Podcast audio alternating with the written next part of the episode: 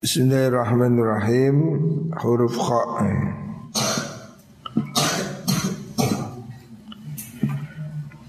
Huruf kha artinya hadis yang dimulai dengan huruf kha Pada Rasulullah sallallahu alaihi wasallam Khaba abdun wa khasira Lam yaj'alillah ta'ala Fi qalbihi rahmatan lil bashar. Khoba tuno rugi. Sapa abdun gaula wa khosira lan tegese rugi sapa abad sungguh akan sangat merugi. Siapa orang lam yaj'al kang orang dadi akan sinten Allah taala? Allah taala. Fi qalbihi in dalam atini rajul orang dadi akan rahmatan ing rasulas belas kasihan. Lil basyari maring menungso Sungguh celaka, rugi orang yang di hatinya tidak ada rasa kasih sayang pada manusia. Artinya Allah ini menaruh di hati manusia yang baik rasa belas kasih, rasa cinta ya. Barang siapa tidak punya rasa belas kasihan Siapa orang tidak ada rahmat di hatinya Berarti dia jauh dari rahmatnya Gusti Allah. Dalam hadis yang lain Rasul mengatakan Ar-Rahimuna yarhamuhumur rahman. Orang-orang yang berhati belas kasih Orang-orang yang berhati lembut itu disayangi oleh Gusti Allah yang Maha Rahman. Khalifu al-musyrikin Khalifu podo nulayani sira al-musyrikina ing wong musyrik ahfu podong guntingo siro riba ing piro-piro brengos kumismu supaya dicukur Rasulullah Sallallahu Alaihi Wasallam menginginkan orang Muslim ini ada identitasnya. Ya. Orang Islam harus ada identitas pembedanya. Jangan katut-katutan. Jangan kita ini ikut-ikutan orang non-muslim. Lah tren pada saat itu Orang musyrik itu Kumisnya panjang Jenggotnya pendek. Eh, Maka Nabi menyuruh kita Sebaliknya ahfu gunting sira kabeh asyawariba ing pira-pira brengos wa aufiru lan ngecul sira ngingu alihya ing jenggot. Nah, ini ajaran berjenggot itu Memang betul ada ajaran dari Rasulullah Sallallahu Alaihi Wasallam karena memang tren ya Tren pada saat itu Orang-orang musyrikin itu Brengosnya panjang ya. Maka Nabi membuat tren sendiri Jangan menyamai orang musyrik ya. Tapi kalau hari ini orang Orang Yahudi pun ya jenggotan nah, Berarti bodoh kalian Zaman dulu itu ada tujuan untuk kita ini ada identitas gitu. Seperti santri pakai kopiah gitu Supaya kamu ada pembeda dengan yang lain Sehingga kamu kalau pakai kopiah merasa dirimu sebagai santri. Kon kate sweet-sweet kupluan kan isin. Kenapa? Identitas santri. Penting identitas makanya tentara ada seragam, polisi ada seragam supaya dia ada kebanggaan pada organisasi. Ya. Sama dengan santri, santri sarungan, kopian, supaya ada identitas sehingga kamu menjadi bangga dan berhati-hati. Lah pada zaman itu Rasulullah SAW menyuruh dicukur brengos, tapi bukan dicukur total ya. Ya dicukur tidak supaya tidak sampai nutupi bibir ini lah ya kayak eh, begini nih lah. Nah, nah.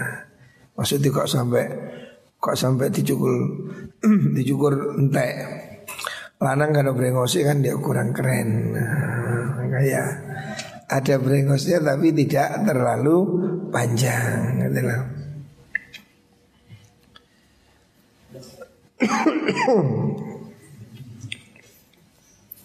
Terus jenggot, jenggot itu juga jenggot itu juga jangan terlalu panjang. Ya berjenggot itu bagus. Tapi nggak usah koyok jenggote udus kibas apa udus berong itu ya jenggot sedikit itu bagus-bagus saja. Ini sebetulnya soal identitas ya. Supaya orang muslim pada saat itu terbedakan dari yang lain. Tapi bukan berarti ini wajib. Ada orang yang menganggap ini wajib sehingga kalau nggak jenggotan dianggap bukan orang Islam. Ini hanya soal identitas ya bukan menyangkut akidah ya. Jadi tidak usah berlebihan. Mau pakai jenggot silahkan. Nggak punya jenggot ya nggak apa-apa. Saya ini jenggotnya arang-arang tidak no koyo opong ya. Boleh tidak pakai jenggot ya. Hukumnya tidak wajib ya. Kalau ada orang jenggotan juga boleh ya. Juga bagus ya. Yang penting jangan saling mengolok-olok. Sebetulnya ini hanya soal bagaimana umat Islam ini punya identitas yang tidak sama dengan yang lain. Nah, hari ini orang Yahudi juga jenggotan, orang Amerika ya jenggotan. Jenggot ini sudah menjadi apa? Ya menjadi gaya hidup lah. Semua orang India jenggotan. Zaman Nabi dulu jenggot ini pembeda. Sing jenggotan orang Islam. Hari ini UHP jenggotan ya berarti kan sudah tidak menjadi pembeda bagi yang lain. Hud ngalapa al hikmata ing hikmah. Hikmah itu ya pendapat atau ilmu yang bermanfaat. Sesuatu yang berguna untuk orang lain ya. Hikmah. Kebijaksanaan. Ngalapa siro al hikmata ing hikmah wala yadurru kalan orang bayani ka ing sira min ayyi wi'ain saking endi-endine wadah kharajat metu apa hikmah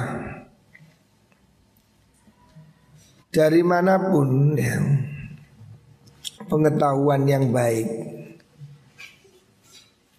sesuatu kebijaksanaan kalimat atau larangan atau perintah atau cegahan yang itu semua bermanfaat itu hikmah dari siapa pun min siapa pun yang mengingatkan kamu kebaikan ambil ya. Tidak peduli yang ngomong itu anak kecil, orang tua, orang miskin ya. Jangan melihat siapa yang mengucapkan, lihatlah apa yang diucapkan. Itu. Jadi hikmah itu bagus ya. Hikmah itu ambillah ambillah ilmu dari mana saja. Kamu bisa mengambil dari ya kejadian hari ini, pandemi ini kan ada hikmah. Hikmahnya dari pandemi ini kita menjadi apa? Eh, menjadi mungkin lebih takut pada Allah. Hikmahnya dengan pandemi ini kita lebih banyak berdoa, banyak di rumah. ya. Banyak memohon Ada hikmah Ambillah pelajaran dari segala sesuatu. Dari siapa pun ya Seperti hari ini Tentang kesehatan.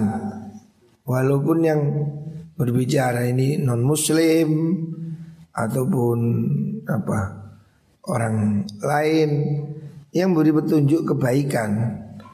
Itu Cina itu Amerika tidak masalah. Yang penting siapa pun menunjukkan kepada kamu hal yang baik ambillah.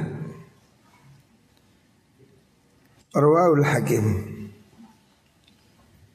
Selanjutnya khudil amra bit tadbir Rasulullah Shallallahu Alaihi Wasallam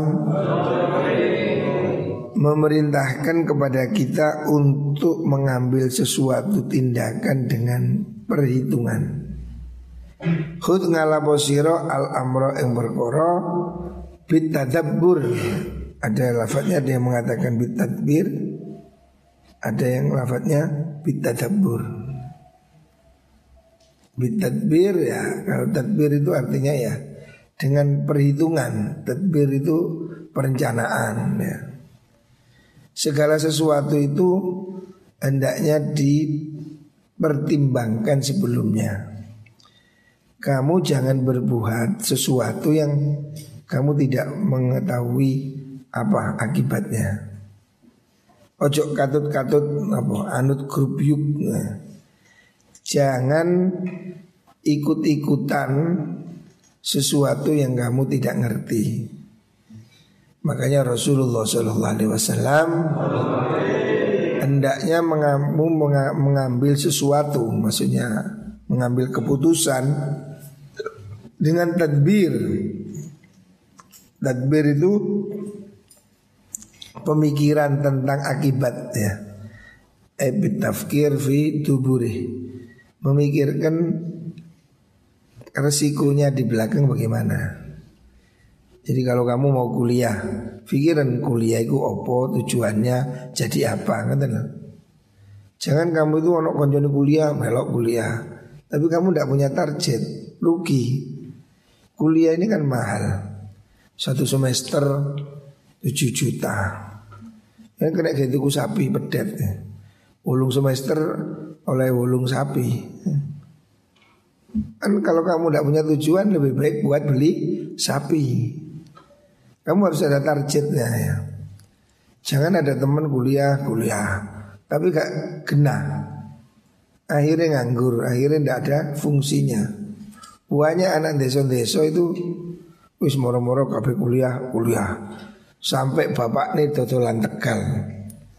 Ada dulu di sini orang bapaknya sampai menjual sawah anaknya kuliah jurusan sastra.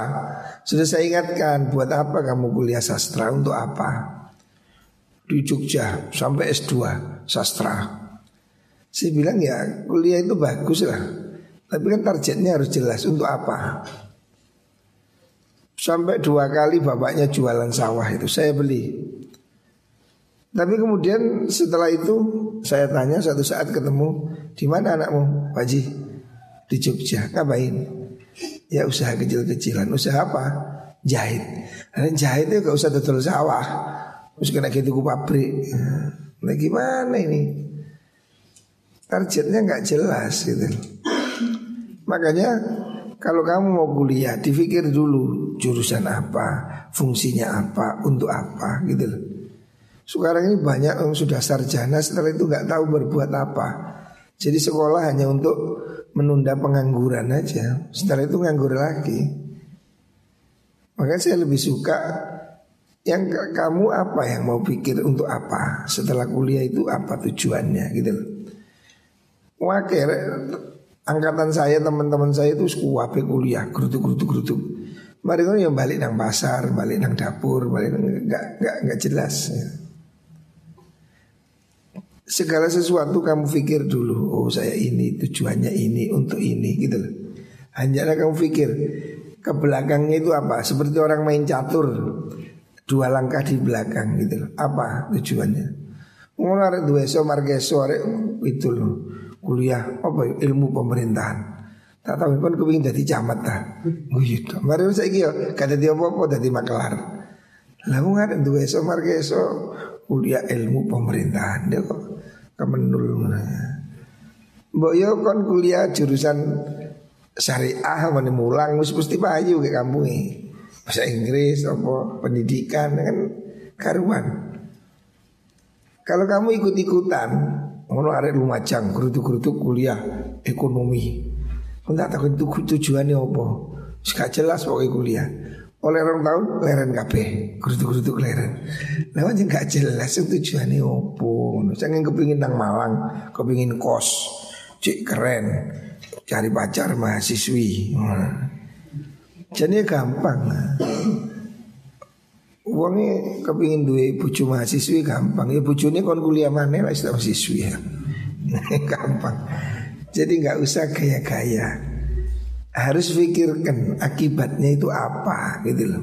Fikir dua langkah di belakang. Maslahatnya apa, mafsadahnya apa. Ya. Fa in ra'aita ala meningali sira fi akibatin dalam akibat ma khairan yang bagusan famdi mongko terusno sira amr kalau kamu menimbang di belakangnya itu baik lakukan ya. jadi kamu pikir oh ini untuk begini akibatnya begini silahkan tapi wa in khifta lamun wedi sira ghayyan ing lacut iya itu kesasar ya. Kalau kamu takut itu nanti akibatnya jelek Faamsik Faamsik mongko ngekerasiro Hendaknya kamu Kalau Tidak yakin apa yang kamu lakukan Hentikan Kalau kamu ragu-ragu Hentikan Kamu harus bertindak dengan keyakinan Oh saya tamat aliyah ke sini tujuannya ini silahkan. Saya kau ini tujuannya ini. Jadi harus ada plan ya. Hidup ini harus ada perencanaan yang tepat. Ya. Kalau kamu tidak jelas atau kamu takut akibatnya tidak bagus, jangan dilakukan ya. Makanya segala sesuatu dipikir kalau kamu tidak tahu tanya pada ahlinya Umpamanya kamu mau kuliah apa? Kemarin ada anak di kemarin besok itu loh. Tak takut apa kan kuliah jurusan apa hukum. Saya tanya tujuannya apa? Ya. Kan harus jelas. Oh saya ingin jadi pengacara. Saya ingin jadi hakim kan kena. Ojo mari kan fakultas hukum terus lelak lelak mulai nang kampung. Isu-isu dihukum gitu sih. Belum belum nggak kena gitu apa tujuannya saya tanya kamu tujuannya apa gitu kan harus jelas banyak orang ini yang tidak jelas targetnya akhirnya hanya membuang-buang biaya ya, rugi sebab dia tidak ada keahliannya di situ makanya segala sesuatu kamu pikir kalau kamu tidak yakin tanya oh saya mau jadi insinyur kamu punya gambaran oh saya mau jadi begini begitu begitu. Nah silakan. Ojo kuliah mari kok kuliah. Ya anu saking pantas-pantesan. Jangan. Jangan buang-buang biaya. Harus kamu pikirkan. Kalau kamu tamat dari aliyah, pintar, berprestasi, kuliah, saya setuju, bagus. Oh kamu ingin kerja, belajar bekerja, bagus. Ya. Oh saya ngapalkan Quran, bagus. Targetnya harus jelas ya. Jangan hanya ikut-ikutan gitu Ini yang harus dihindari supaya apa tidak rugi. Ya, kalau kamu tidak kamu pikirkan eman. Ya, biayanya sekolah ini ya, mahal. Rawahu pun Rawahu Hakim. Rawahu Abdul Razak an Anas. Khudu minal amali ma tudikun Selanjutnya Rasulullah Sallallahu Alaihi Wasallam mengatakan khudu minal amali. Khudu ngalapo siro minal amali saking penggawean amal ya perbuatan Kodrama ing kirani perkara tutikuna kang kuwasa sira kabeh. Ma ing perkara tutikuna kang kuwasa sira kabeh. Hendaknya kamu melakukan pekerjaan itu yang kamu mampu. Amal di sini bisa berarti ya ubudiyah atau pekerjaan-pekerjaan rutin yang kamu mampu. Fa innahu fa Allah sunni Allah iku la yamallu ora bosen sapa Allah hatta tamallu sehingga bosen sira kabeh. Jangan sampai kamu bosen. Dalam arti lain, hendaknya kamu berusaha mengambil amalan yang istiqomah. Rasulullah Shallallahu Alaihi Wasallam lebih menyukai amalan yang istiqomah walaupun sedikit ya. Aduwa muha wa in Kamu amalkan sesuatu yang langgeng walaupun sedikit. Baca yasin satu kali tapi setiap malam. Itu lebih bagus. Daripada kamu baca yasin 30 kali Tapi 10 tahun gak baca lagi Sebisan tok lebih baik kamu baca satu kali badal maghrib yasin, pagi a, tabarok, rutin satu kali aja. Tapi istiqomah. Itu lebih bagus daripada kamu ngoyo-ngoyo ya baca yasin 50 kali. Tapi hanya satu hari. Cok-cok nyeng nah, istilah Jawa. Hendaknya kamu mengambil amalan itu yang istiqomah ya. Almarhum ayah saya dulu mengajarkan istiqomah ini hendaknya bisa kamu lakukan minimal itu tiga tahun. Di wiritan wakiah tiga tahun. Wiritan dalail tiga tahun. Istiqomah ngelatih istiqomah itu dibikin target tiga tahun. Nanti setelah tiga tahun kalau saya enak ya terus no nah tapi targetnya harus tinggi. Supaya kita ini betul-betul membiasakan. Lakukan amalan secara istiqomah ya. Sholat sunnah duha empat rakaat cukup tapi istiqomah jangan satu kali dua belas tapi setahun sebisan lebih baik kamu beramallah meskipun sedikit tapi istiqomah jangan bosenan kalau terlalu banyak kamu jadi bosan, jadi capek ya. Rawahu al-Bukhari wa Muslim an Aisyah. Kharajtu min nikahin wa lam akhruj min shifahin. Rasulullah sallallahu alaihi wasallam bersabda, "Kharajtu min nikahin." Harus tu metu ingsun min nikahin saking pernikahan. Artinya Nabi ini lahir dari keluarga yang terhormat melakukan pernikahan. Walam akhruj kan orang metu ingsun min sifahin saking perzinaan.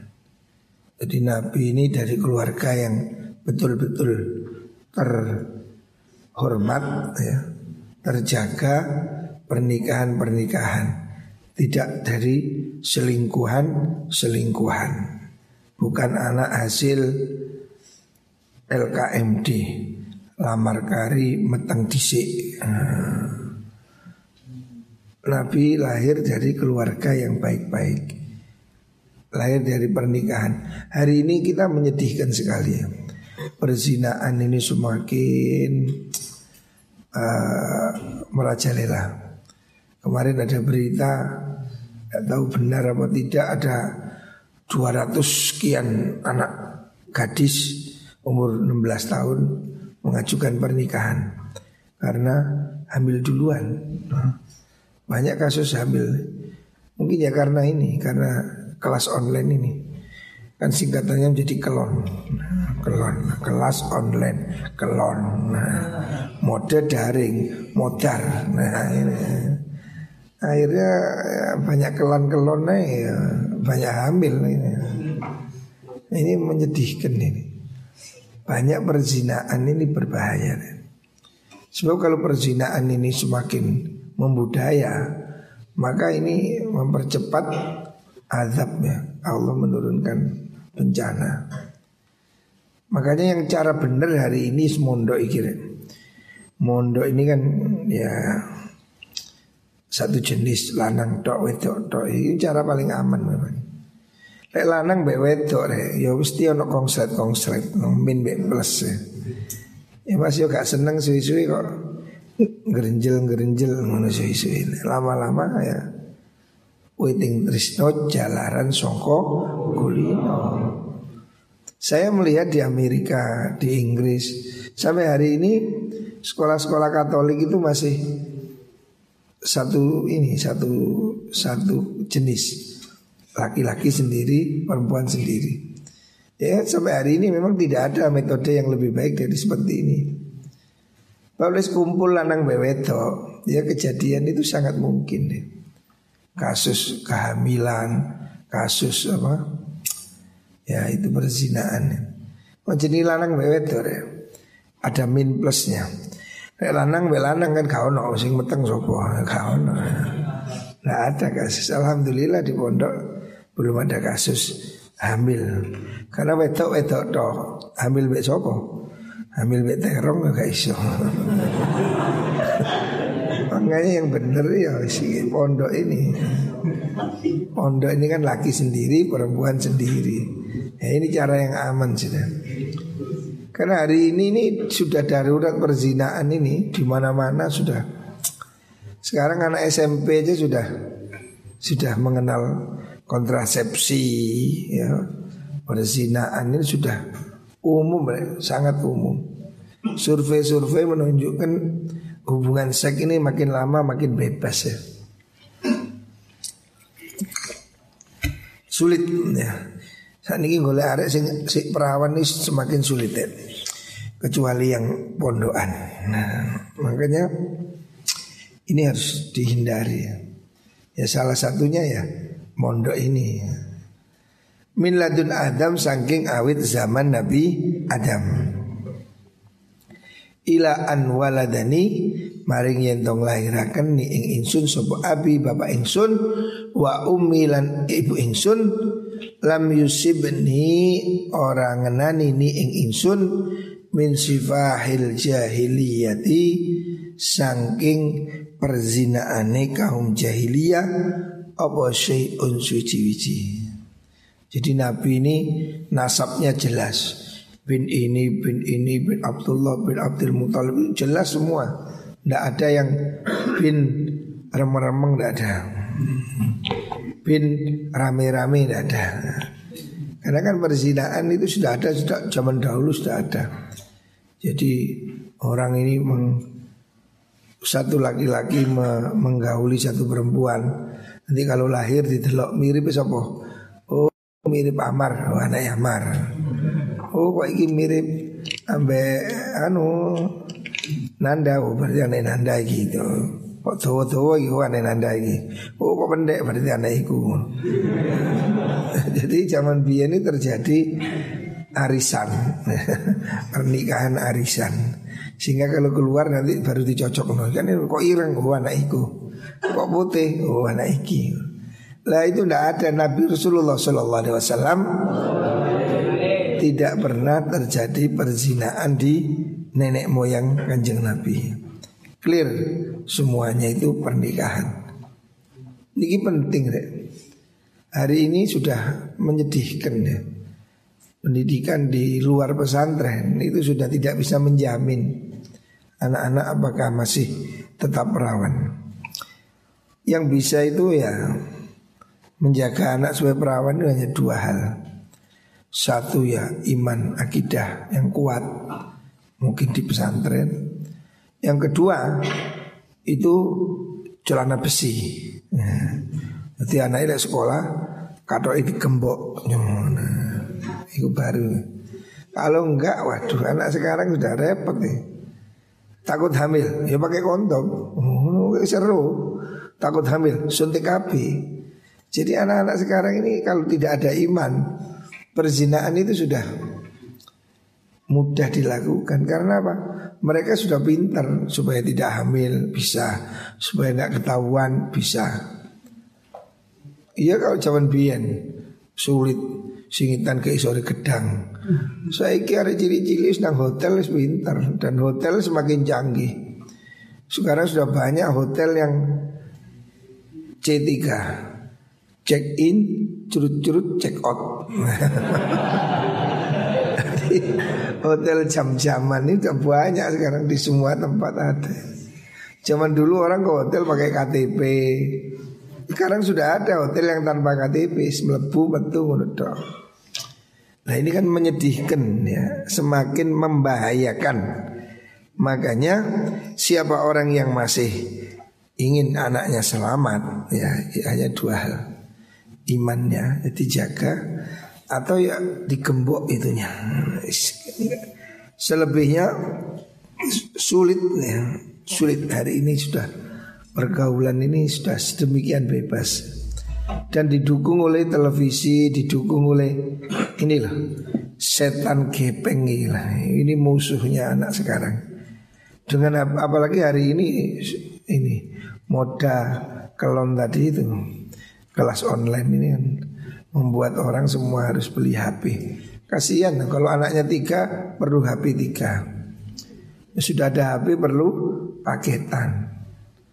Sudah ada paketan Dikira nonton Youtube oh, Youtube oh, macam-macam oh, Ada banyak hal negatif di handphone Handphone ini ya kalau positif juga ada Negatifnya juga banyak Konten-konten porno di handphone ini sudah sulit dikendalikan Menkominfo sampai kewalahan Setiap hari dia itu memblokir ribuan website akun porno itu. Dan porno itu memang kayaknya memang ada yang sengaja untuk membuat itu.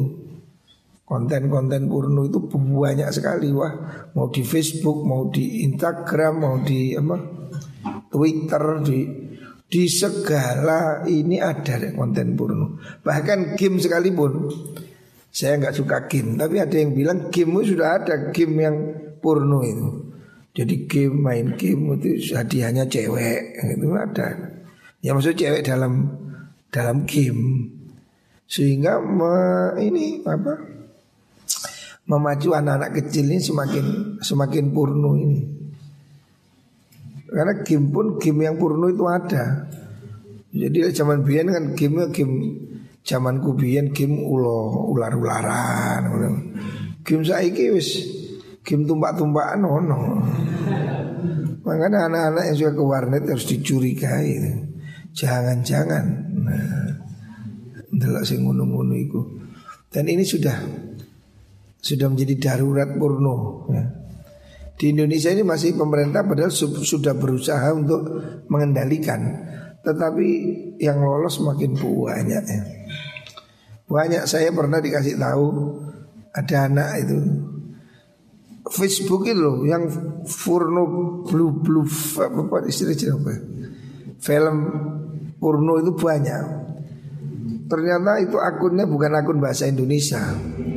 Akunnya itu Turki. Aku gak ada bahasa Turki. Jadi itu buka Facebook nama ini. Isinya ngono-ngono iku tok is kodok-kodokan tok iku. Waduh waduh oh bola lagi ditulari dengan bebas ada Facebook kan semua orang bisa buka. Ternyata ada Facebook yang isinya film porno itu ada. Jadi mengerikan, jangan dikira Facebook isinya pertemanan. Ada Facebook yang isinya itu konten-konten film-film porno. Instagram juga, Twitter juga, ya. Nah ini yang semakin mendorong ramainya perzinaan ini ya ini. Sehingga sekarang kan sudah sering kita dengar berita anak SD memperkosa adik kelasnya. Masih SD loh. Istung ya apa Ada cilik pada balik mendadak. Cepet balik hari. Nah, delok film porno-porno ini loh. Makanya di pondok tidak punya handphone ini ya karena dan sudah pernah rek di pondok sini di pondok putri malah dirahasia handphone. sini ya oh no sih film ngono-ngono itu. Film gulat-gulat itu. Ngerti aku ya oh belala arek wedok ngono. Arek lanang waduh ya. Insya Allah lebih parah lagi. Makanya handphone-handphone kudu dirahasiai. Ini yang membuat perzinaan semakin melebar ya seperti ini. Jadi hari ini kita ini sudah harus hati-hati. Makanya di pesantren tidak boleh bawa HP. Wah nanti ketinggalan zaman. Jangan khawatir orang. Zaman ini akan terus bergerak tanpa handphone pun kamu tidak akan ketinggalan zaman. Yang penting kan duit duit. Iso. Saya ini sejak kecil ayah saya ini tidak punya TV. Kakek saya Mbak Yanwar itu tidak suka TV. Tidak punya TV. Karena Mbak Yanwar ini termasuk aliran yang aliran yang kolot kuno. Musik aja Mbak Yanwar tidak mau. Musik saya masih ingat waktu kakak saya menikah itu di setel apa jenenge? Kosidah zaman dulu kan belum ada musik-musik. Nisa Sabian apa belum ada. Dulu itu kosidah nasidaria itu disetelkan kosidah coba ya Nur nak mau. Disuruh matikan. Ganti kiroah. Mau jadi manten yo rasa pengajian nunu kiroah. Nggak mau kayak saya itu. Dan tidak punya TV maka di rumah saya itu dulu tidak punya TV saya kecil sampai besar tidak punya TV saya itu beli TV itu setelah menikah. Istri saya minta TV. Itu pun tak belikan TV kecil, TV mobil. Karena saya takut sama ibu saya. Ibu saya juga nggak suka TV. Jadi anak-anak zaman dahulu itu nggak suka TV karena dilatih memang tanpa TV. Ya bisa. Ketinggalan zaman ya orang. Apa sih? Om TV sini gosip-gosip.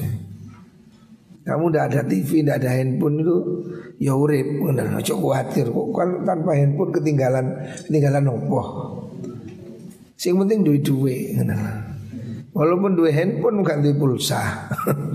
Kayak opo handphone? Orang ini yang penting kamu ini lakukan apa yang kamu hadapi ya.